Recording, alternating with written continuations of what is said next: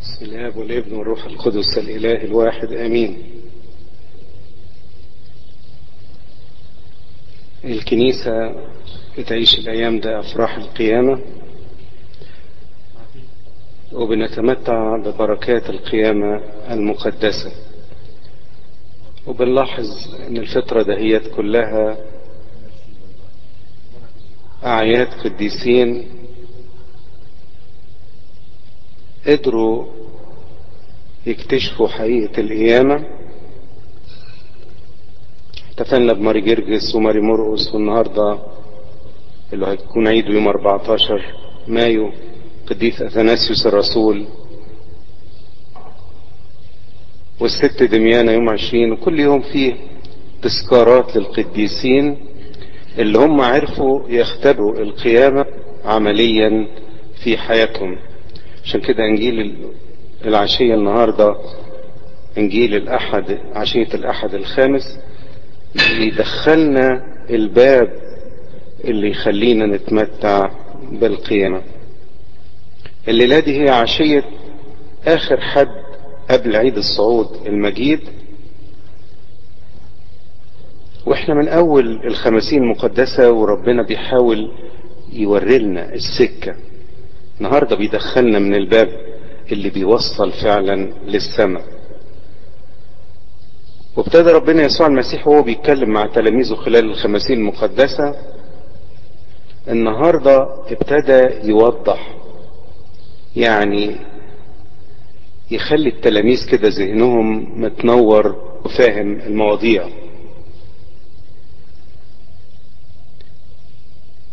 الكلام عن الآب وعن السماء ما بقاش الغاز ما بقاش حاجات نظرية.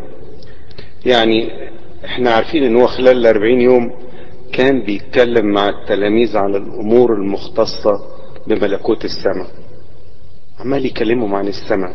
ابتدى بقى النهاردة يدخلهم على الآب يبتدي يكلمهم عنه علانية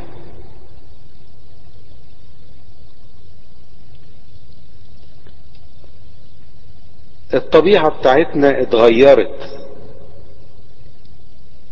بموت ربنا على الصليب وبقيامته وبصعوده للسماء اللي بيها أصعدنا معه وأجلسنا معه في السماويات.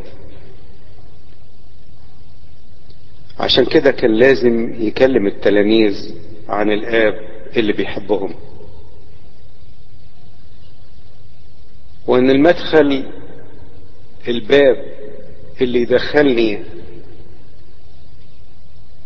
للحب ده محبة الآب هي الطاعة الذي عنده وصاياه ويحفظها هو الذي يحبني. ده الباب الباب اللي النهاردة ربنا بيدهلنا وفتحه للتلاميذ. اللي عنده وصاياي ويحفظها هو الذي يحبني. المسيح وصلنا لحب الآب بطاعته المطلقة لما أخلى ذاته واخد شكل العبد. ووضع ذاته نزل لأعلى مستوى من السماء للأرض وأطاع أطاع حتى الموت موت الصليب. ربنا يسوع في النموذج الكامل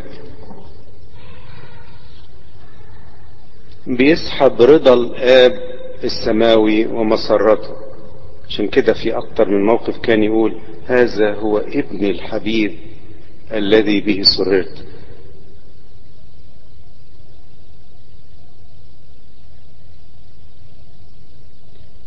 لو الواحد سأل عن السكة اللي بتوصل للسماء مفيش غير المسيح. بتجسده وموته وقيامته وصعوده للسماء. حتى هو ابتدى يفهمنا كده يقول لنا أنا هو الطريق والحق والحياة. يعني ما حدش يقدر يوصل السماء غير من خلال المسيح. يعني من الواحد لما يبقى لابس المسيح كلنا لما تعمدنا لبسنا المسيح هو ده الباسبور اللي ممكن يدخلنا للسماء.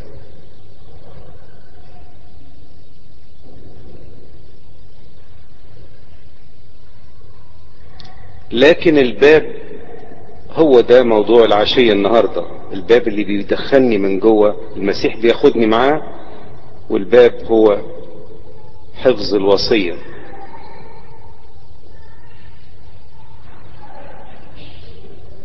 وصية ربنا هي اللي بتدخلني لأحضان الآب. والبرهان اللي بيبين حبي لربنا هو إن أنا بحفظ كلامه. كلامه ده حاجة غالية عندي حاططها في ذهني وفكري هي أنفاس الله بتحرك بيها وبعيش بيها.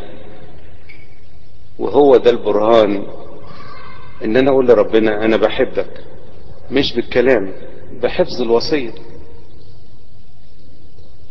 واللي بيكسر الوصية اللي ما بيسمعش كلام ربنا يبقى كأنه هو بيكسر قلب ربنا أو ما بيبينش محبة. للآب. يبقى بتعتبر انحراف في المحبة. وعشان كده في رسالة معلمنا يوحنا الرسول يقول العالم فليست فيه محبة الآب. يعني حاجة من الاثنين يا إما الواحد ينشغل بالعالم وبأمور هذا العالم يا إما يبقى قلبه كله مع ربنا. وهنا بحفظه كلمة ربنا. يبين محبته قلب الإنسان هو الركيزة اللي بيتركز عليها كل الحياة اللي منه مخارج الحياة. لو الواحد انشغل بحب ربنا من كل القلب يبين ده إن فعلا إحنا حافظين وصاياه وبنعمل بيها.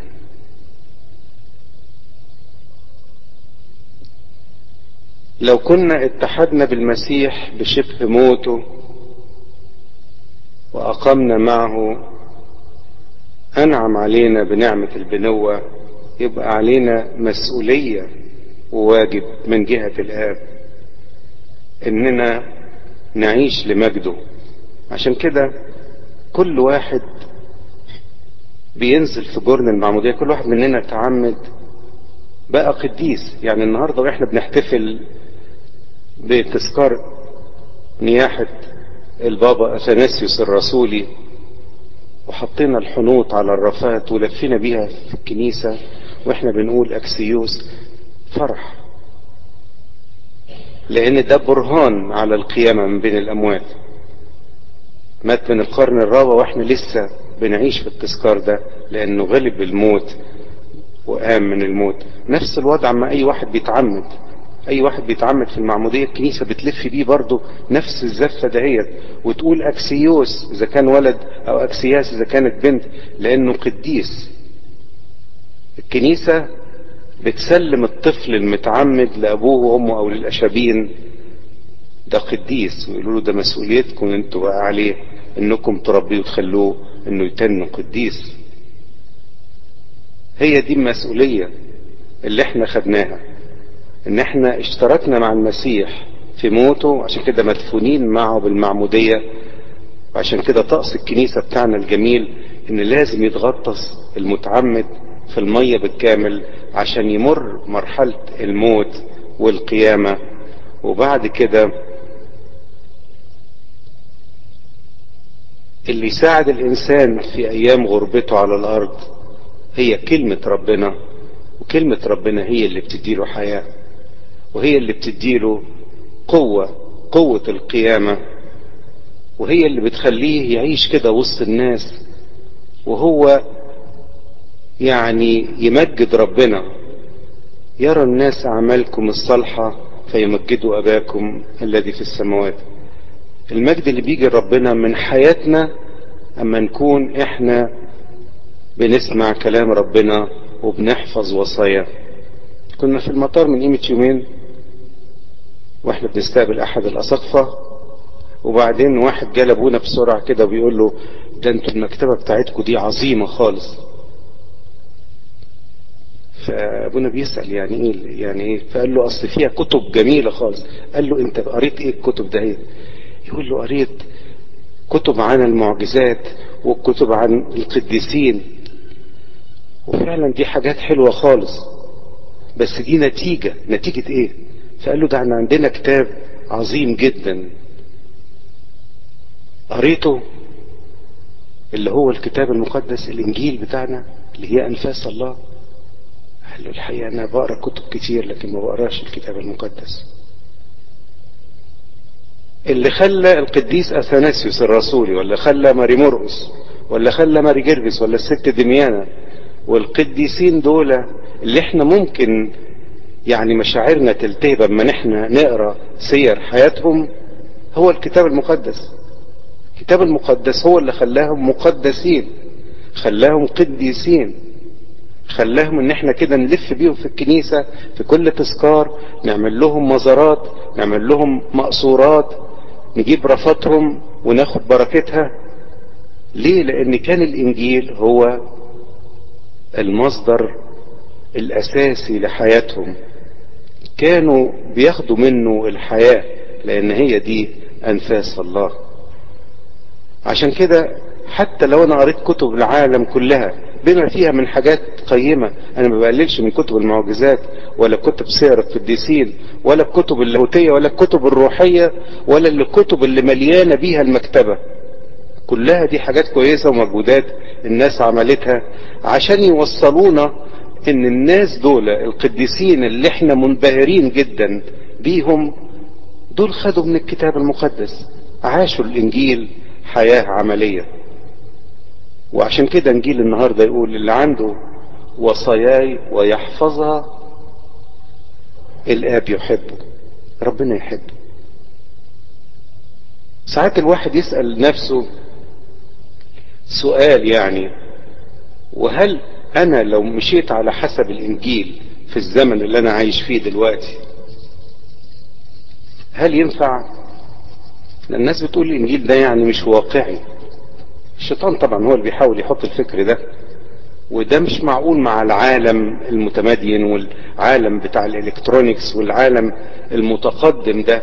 إزاي مثلا واحد يضربني على وشي واحول له الوش التاني؟ إزاي واحد ياخد حقي وأسيبه؟ أمور كثيرة الواحد كده يرجع فيها ويقول هل تنفيذ الوصية أو كلام ربنا ده عملي الأيام دي؟ ولا مجرد حاجات نظرية كانت مثلا من القرن الرابع ولا كانت في القرن الأول من أيام المسيح لكن ما تنفعش الأيام دي؟ فالحقيقة الإنجيل لازم جدا وبالذات في العصر اللي إحنا فيه.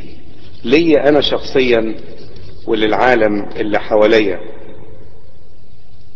إزاي نقدر كلمة ربنا دي تبقى جوه قلبنا نحفظها نعيش بيها نوصلها لكل الناس اللي حوالينا؟ في جيل ممكن نعتبر إن كل الناس ماشية بالعكس بعكس الاتجاه. ما هو دي بركة القيامة. القيامة بتخليني أمشي عكس الجاذبية. القيامة يعني بترفع الإنسان من الأرض لفوق. لو أنا سبت الحاجة المعنى دي وسبتها كده هتنزل على طول على لتحت لأن في الجاذبية الأرضية. يعني إحنا ماشيين عكس كل حاجة. ودي قوة القيامة. يعني حتى لو نلاحظ إن الزفة اللي إحنا عملناها النهاردة وبنعملها كل الخمسين ونعملها في كل وقت نلف دايما عكس عقارب الساعة. عكس الزمن نفسه. هي دي قوة القيامة. عكس الزمن عكس الأمور الأرضية عكس الفكر العالم اللي بيفكر فيه. نلف حوالين المسبح ونلف حوالين الكنيسة مفيش غير مرة واحدة في السنة بنلف مع عقارب الساعة اللي هي زفة يهوذا. وبنقول لحن حزين كده يا يهوذا يا يهوذا يا مخالف الناموس. هي دي اللي بتمشي في اتجاه الأرض وبتمشي مع الجاذبية ومع الأرض.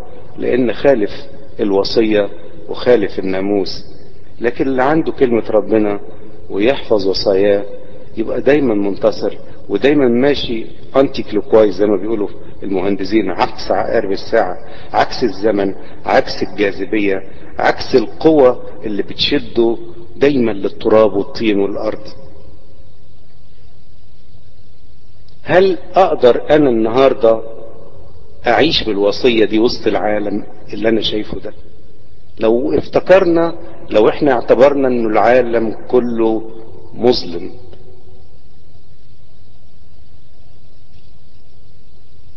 وماشي عكس الدنيا كلها. وماشي بكل حاجة مخالفة لكلام ربنا. بيعملوا كل حاجة غلط.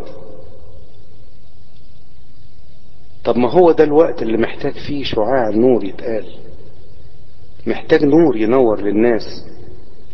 مصباح لرجلي كلامك ونور لسبيلي. سيروا في النور ما دام لكم النور لئلا يدرككم الظلام.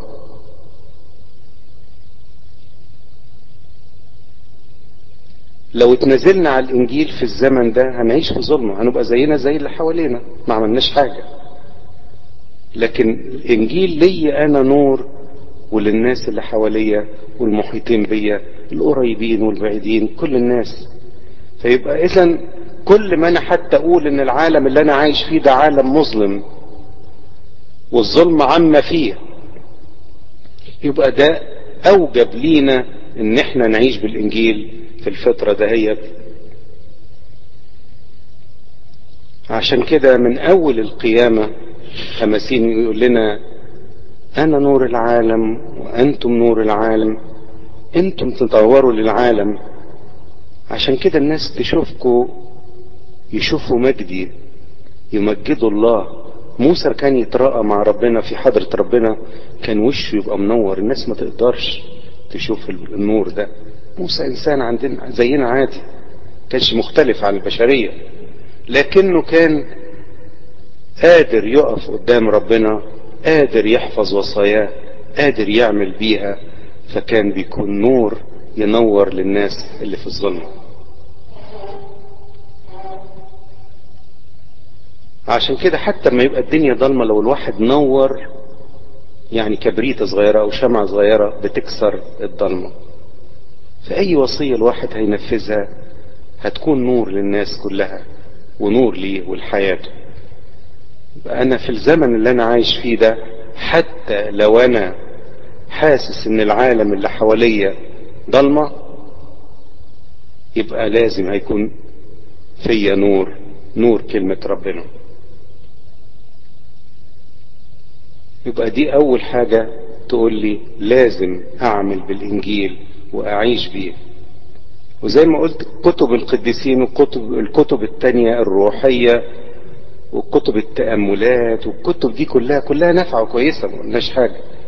لكن الكتاب اللي هينور لي الطريق ليا ولغيري هو الكتاب المقدس. وخصوصا لو العالم اللي أنا عايش فيه عالم مظلم. النقطة التانية والهامة في كلمة ربنا وإن لازم لازمة في الزمن اللي أنا فيه إن كلمة ربنا زي النار. يقول أليس هكذا كلماتي يقول الرب كنار؟ كلمة ربنا زي النار. تدخل القلب تسخنه يبقى قلبي كده وكلني على كل واحد. زي ما داود كده كان يقول ذوقوا وانظروا ما أطيب رب. نفسي الناس كلها تذوق ربنا اللي أنا دقته والقديس يوحنا فم ده بيقول أنتم يا ناس اللي جوه الكنيسة اللي عايشين بكلمة ربنا روحوا قولوا للناس الذين هم في الخارج حلاوة ربنا عشان يدوقوا هم كمان ويخشوا وياخدوا. مهم جدا إن الواحد أما يقرأ كلمة ربنا قلبه يشتعل ويبقى مش ما يهمتش غير أما يوصل. المرأة السامرية اما قعدت وسمعت كلامه كلها كانت دقايق. أو لحظات قعدتها مع مع المسيح بس كلمة ربنا عملت فيها عملت نار جواها وطلعت بسرعة تقول للناس تعالوا تعالوا وانظروا. إنسان قال لي كل ما فعل لعله المسيح. تعالوا. والناس قالوا طب قاموا على طول لأن الحرارة اتنقلت. الحرارة ما واحد يبقى عنده حرارة يعني ما الخادم يبقى خادم روحي وزي النار تلاقي ولاده كلهم مكان يبقى في الكنيسة نار تلاقي الشعب كله زي النار. واحد يبقى بارد الناس كلها باردة لأن ما بيوصلش كلمة ربنا. ربنا يرحمنا كده ويدينا القلب الناري عشان نوصل كلمة ربنا اللي هي زي النار. أليست كلمتي يقول الرب كنار؟ وبعدين الناس خدوا يعني النار ده والتهاب الروح. وصل لشعب السامرية وراحوا قابلوا المسيح. اتغيرت الصورة. مش بقت نار بس بقت نار مولعة فيهم. وقالوا لها بص بقى كويس قوي إن انت وصلتينا لغاية لكننا نؤمن مش عشان انت قلت لنا لكن عشان إحنا شفنا بعينينا إحنا سمعنا بودنا إحنا تعي... تعيشنا معاه مع المسيح. عشان كده نؤمن إن هو مخلص العالم. وهو ده اللي إحنا نعمله. مجرد عيشتنا المقدسة وإن إحنا نكون نور للناس وقلبنا يبقى زي النار وإحنا بنوصل كلمة ربنا الناس هتت... هتتقابل مع المسيح وهو يتولى بعد كده الشغل معاهم مش شغلتنا إحنا بعد كده. هو اللي هيتولاه يبقى النار دي بتخلي الواحد ملتهب ويلهب كمان اللي حواليه والنار كمان بتنقي. الدهب كده ما ينزل في النار يتنقى أكتر. فتنقي كلمة ربنا تنزل جوايا تنظف وتطهر. عشان كده المسيح قال يعني الحاجة الأساسية لكلمة ربنا قال أنتم أنقياء من أجل الكلام الذي كلمتكم به.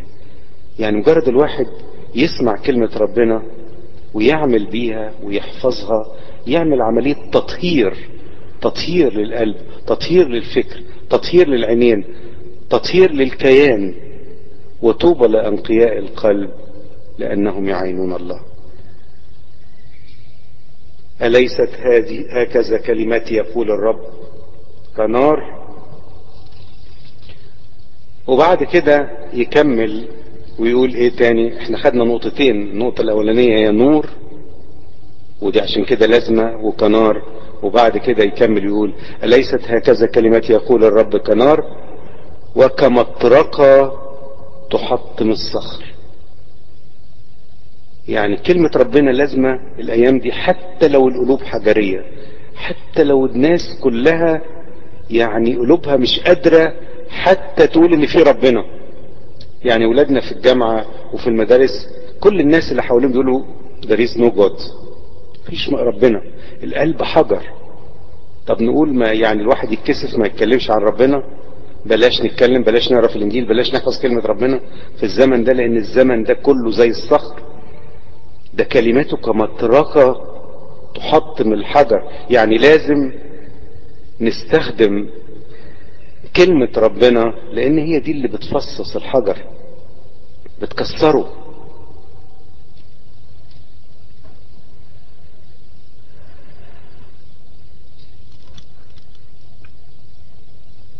يبقى العلاج في العصر ده كلمة ربنا تنور السكة وتطهر تدي حرارة تبقى زي النار تدي حرارة وتدي تطهير للقلب من جوه وكلمة ربنا تبقى زي المطرقة تكسر القلب الحجري. وتخليه من قلوب لحمية. تقدر تتفاعل مع ربنا تحس بربنا تحس بمشاعر ربنا تجاهنا. إنه أحبنا وبذل ابنه الوحيد فداء عنا. الواحد يحس كده. ربنا عمل إيه معاه؟ ويقول له بماذا أكافئ الرب عن كثرة ما أعطاني؟ كلمة ربنا لازمة الأيام دي. لأن حتى لو الدنيا ضلمة هي نور. كلمة ربنا لازمة الأيام دي حتى لو الدنيا كلها برود من جهة ربنا هي بتديني نار وحرارة وتطهير. وأيضا حتى لو كانت القلوب كلها جامدة بتبقى زي المطرقة تكسر الحجر. كلمة ربنا كمان تبقى زي السيف يقطع. ما الواحد يبقى عنده بعيد عننا مرض أو ورم ويروح للدكتور يقول له لا انت لازم تعمل عملية بتر دلوقتي. لازم أزيل الورم ده وإلا هيتفشى في الجسم كله يموت الواحد. فكلمة الله حية وفعالة وأمضى من كل سيف ذي حدين. تقطع وتفصل بين الشر وبين الظلمة وبين الحاجات اللي ممكن تضيع حياتي الأبدية بالكامل. لو تفشى المرض لو تفشى المرض ده في الإنسان بالكامل هيبقى صعب إن الواحد يعمل له كنترول لكن دلوقتي هو الوقت ممكن الواحد يفصل بين النور والظلمة يقطع بين الخطية ومحبة ربنا.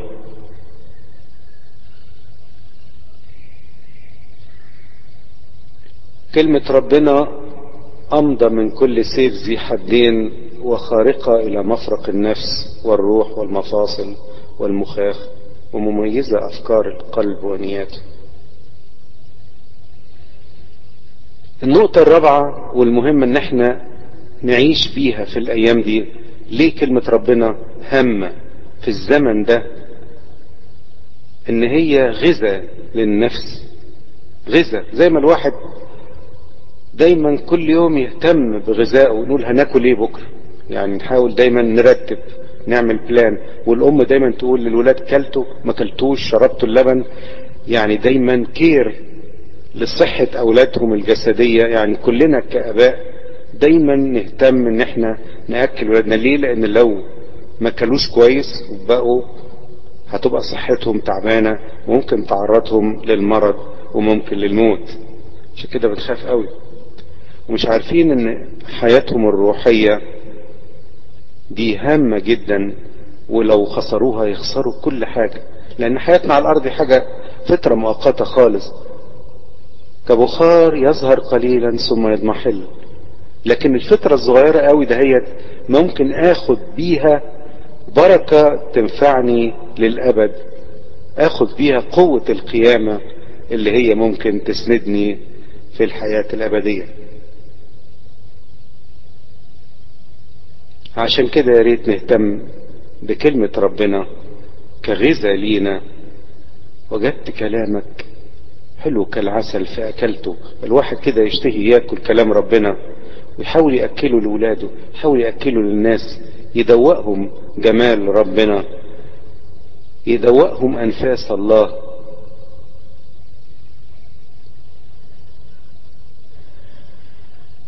إزاي الواحد يبعد عن الإنجيل في الزمن ده؟ حتى لو كان زمن مظلم حتى لو كان زمن بارد في العلاقات مع ربنا وإذا كان القلب حتى جامد كالصخر حتى لو انتشرت فيه الأمراض بكل أنواعها عشان كده القديس غرغوريوس يقول لنا في القداس أنت يا رب اديتني الأدوية المؤدية للحياة الأبدية. أنت مديني الدواء مديني كلمتك اللي بتفصل المرض بتبعد عني المرض. الشيطان عارف إن الإنجيل هو طريق الخلاص. عشان كده من وقت للتاني يشغل دماغ الإنسان يقول لا ده مش بتاع الزمن ده. الزمن ده سيبه ده ده بتاع يعني التقدم العلمي الهائل والحاجات اللي هي اللي في العالم ده كله. لكن ده من زمان معمول من ألفين سنة. كلمة دي من ألفين سنة لكن دي كلمة الله دايما إلى الأبد. عارف إن كلمة ربنا هي السكة للخلاص. عارف إن هو الباب اللي بيدخل للحياة الأبدية. عارف إن هو ده الباب اللي بيمتعني بالقيامة. اللي زي القديسين اللي قبل كده عرفوا يركزوا وخدوا الباب ده والسكة دهيت وبقوا قديسين حتى بعد ما انتقلوا من هذا العالم الكنيسة بتقعد تعيد لهم مئات السنين وإلى الأبد وبنذكرهم كل يوم في التذكارات وفي القداس وفي كل وقت وبنتشفع بيهم وبناخد بركتهم. الشيطان عارف إن الإنجيل بيوصل للخلاص هو الباب اللي بيدخلني للسماء. عشان كده بيحاول يعطلني ويقول لي إن الوصايا مش بتاعت الزمن ده ولا العصر ده. وصايا الله وصايا الله ليست بثقيلة. كلمة ربنا ما هياش تقيلة. ممكن الشيطان يوريهاني إنها تقيلة. ده صعب قوي. يعني واحد يضربني على وشي واديه الوش التاني واحد ياخد حقي وأسيبه. أخليه ينهش بيا في الباقي إيه ده مش ده مش الزمن ده. لكن هي كده المسيح ما بيديني وصية هو اللي بيشيلها معايا. هي شكلها فعلا صعب وإن ممكن العقل ما يدركهاش. لكن اللي بينفذها بالظبط بياخد بركتها. يعجبني قصة اللي عملها البابا شنودة. لما كان الشيخ الشعراوي في لندن وكان عارف إن هو مريض وعارف إن هو بيشتم في المسيحيين وبيشتم في الدين وفي التلفزيون وفي كل المجالات ويتكلم على الكفرة ويتكلم على علينا بكل الصور على الملأ والناس كلها بتسيبه. وعرف إن هو مريض وفي حالة خطرة جدا كلم الآباء في لندن وقال لهم يا ريت تروحوا وتقدموا له ورد وتقدموا له شوكولاتة وتقولوا له إن البابا شنودة بيقول لك سلامتك ألف سلامة وبيتمنى لك الشفاء. والآباء هناك قاموا زي ما قال لهم قداسة البابا. وراحوا يعني واعتنوا بيه.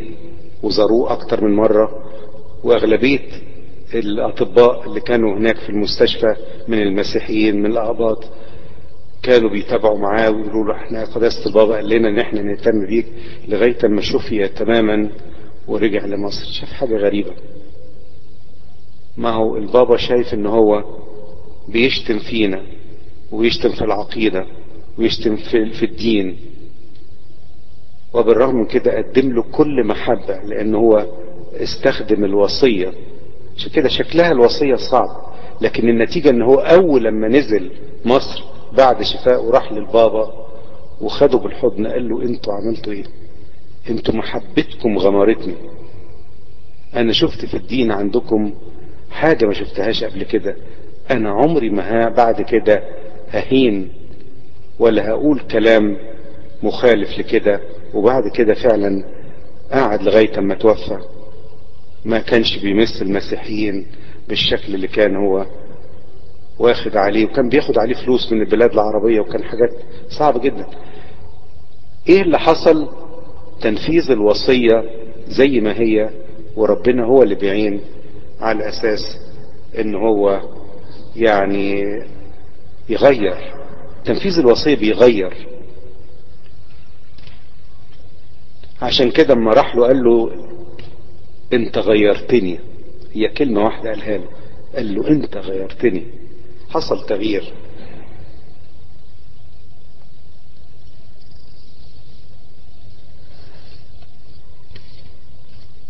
عشان كده وصية ربنا لما قال إذا جاء عدوك فطعمه وإن عطش يبقى الواحد ينفذ الوصية وهو فرحان إن ربنا بيساعده لتتميم الوصية دهيت زي ما قال إنجيل النهاردة الذي عنده وصاياي ويحفظها فهو الذي يحبني. هو ده العلامة. قصة تانية بتحضرني عن موظف كان في مصر كان بيشتغل في مصلحة كلها مسلمين ومرة من المرات موظف زميله في المصلحة قام زعق له وشتمه قدام باقي الموظفين. والموظف المسيحي راجل كبير كده في السن ويقول له يا أستاذ فلان أنت بتغلط فيا ليه؟ أنا ما, ما عملتش حاجة. أنا ما اتكلمتش ما قلتش حاجة. والتاني مش سايب. عمال يديله وهان وهان المسيحية وهان كل حاجة قدام زمايله. والراجل يعني الحقيقة اتبل كده وسكت. وبعدين قام بهدوء كده لمديره وقال له ممكن آه تسمح لي بساعة أروح بدري؟ قال له في حاجة يا أستاذ فلان؟ قال له لا ما فيش أي حاجة. ما رضاش يشتكي له إن زميله شتمه ولا هانه قدام المصلحة كلها قدام الناس. فالراجل قال له ما فيش مانع. كان الكلام ده يوم خميس وراح الصبحية تاني. بس هو طول من ساعة ما روح ما كانش مظبوط خالص. يعني إيه اللي حصل؟ ده أنا ما عملتش حاجة. ده أنا ساكت والتاني عمال يشتم لي ويكيل لي. فراح تاني يوم الصبح كان متعود يروح قداس يوم الجمعة. الصبح بدري الساعة سبعة وقعد في مقصورة بتاعت الرجالة وقعد يصلي كده لربنا يقول يا رب يعني أنت قلت لنا نتحمل وقعدنا ساكت لكن هو ما سكتش. ليه يا رب خلتني كده متضايق؟ كان هو متضايق. وبعدين لقى أبونا فقال له ممكن أعترف؟ أنا يا أبونا أنا عندي غضب من جوه. وابتدى يحكي له القصة كلها اللي حصلت اليوم اللي قبله. فبعدين أبونا قال له طيب ممكن تروح دلوقتي لزميلك وتعتذر له؟ قال له يا أبونا أنت يظهر ما أنتش فاهم أنا بقول إيه أو مش واخد بالك. الموضوع عكس ده. ده هو اللي شتمني وهو اللي عمل لي وهو اللي وحكى له تاني الموضوع. قال له يا ابني روح. قال له أنت مش واخد بالك عن الموقف ولا إيه؟ فقال له لا أنا واخد بالي. ده المسيح نفسه بيقول لو أنت عندك حاجة مع أخوك سيب قربانك على المذبح وروح صالحه. دي الوصية. قال له حاضر. وراح لزميله وخبط عليه الساعة سبعة الصبح. طبعا يوم جمعة هم بيسهروا المسلمين طول الليل وبتاع. الست فتحت الباب. تقول له بخير يا أستاذ فلان. قال لها الأستاذ فلان موجود. قالت له آه بس نايم دلوقتي. قال لها أنا عايز أكلمه دقيقة واحدة. فدخلته في الصالون وندهت زميله اللي في الشغل فقال له خير يا أستاذ فلان. إيه اللي جابك دلوقتي؟ قال له سامحني. قال له سامحك على إيه؟ قال له عشان أنا خليتك امبارح اتنرفزت وشتمتني. يعني خليتك فقدت أعصابك. أنا متاسف قال له بقى أنا اللي عمال أشتم فيك وبهدلك قدام كل الناس جاي تقول لي أنا متأسف؟ قال له أنا أصلي ما أقدرش أصلي وأنا مزعلك. قال له طب ما كنتش خلي الموضوع ده يوم السبت؟ أما أجي الصبح في الشغل قوله لي تيجي تصحيني الصبح الساعة 7 عشان تقول لي الكلام ده؟ فقال له أنا ما أقدرش أصلي أصل أنا رحت الكنيسة وإحنا عندنا في الكنيسة أما الواحد يبقى مزعل ربنا أو مزعل أي إنسان لازم يروح للكاهن ويقول له أنا زعلان والكاهن يديله إرشاد واللي يقول له عليه يسمع كلامه. فانا رحت قلت لأبونا بتاعنا القسيس يعني وقلت له إن أنا زعلت زميلي فلان الفلاني في الشغل. فقال لي لا أنت تروح تقول له متأسف وتسامحه وبعدين تقدر تبتدي تصلي وتيجي تكمل صلاتك. فالراجل استغرب كده وقال له أنا أول مرة أنا أعرف إنكم كفرة وأعرف إنكم بتعبدوا ثلاث آلهة وأعرف إن أنتوا ديانتكم مش كذا وكذا وكذا وكذا لكن أول مرة أعرف إن فيكم الحب ده وانتوا فيكم إله قوي اللي بيخليكم إنكم تسامحوا للي بيسيء ليكم. أنا من هنا ورايح مش هشتم أي واحد نصراني تاني. فهي كده وصية ربنا.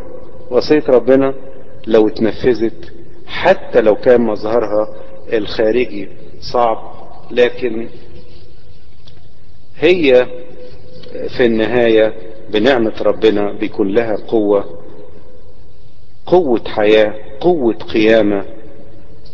عشان كده إنجيل النهاردة يقول لنا الذي عنده وصايا ويحفظها فهو الذي يحبني والذي يحبني يحب ابي وأنا أيضا أحبه وأظهر له ذاتي لإلهنا المجد الدائم إلى الأبد. تفضل نصلي. يا أبانا الذي في السماوات.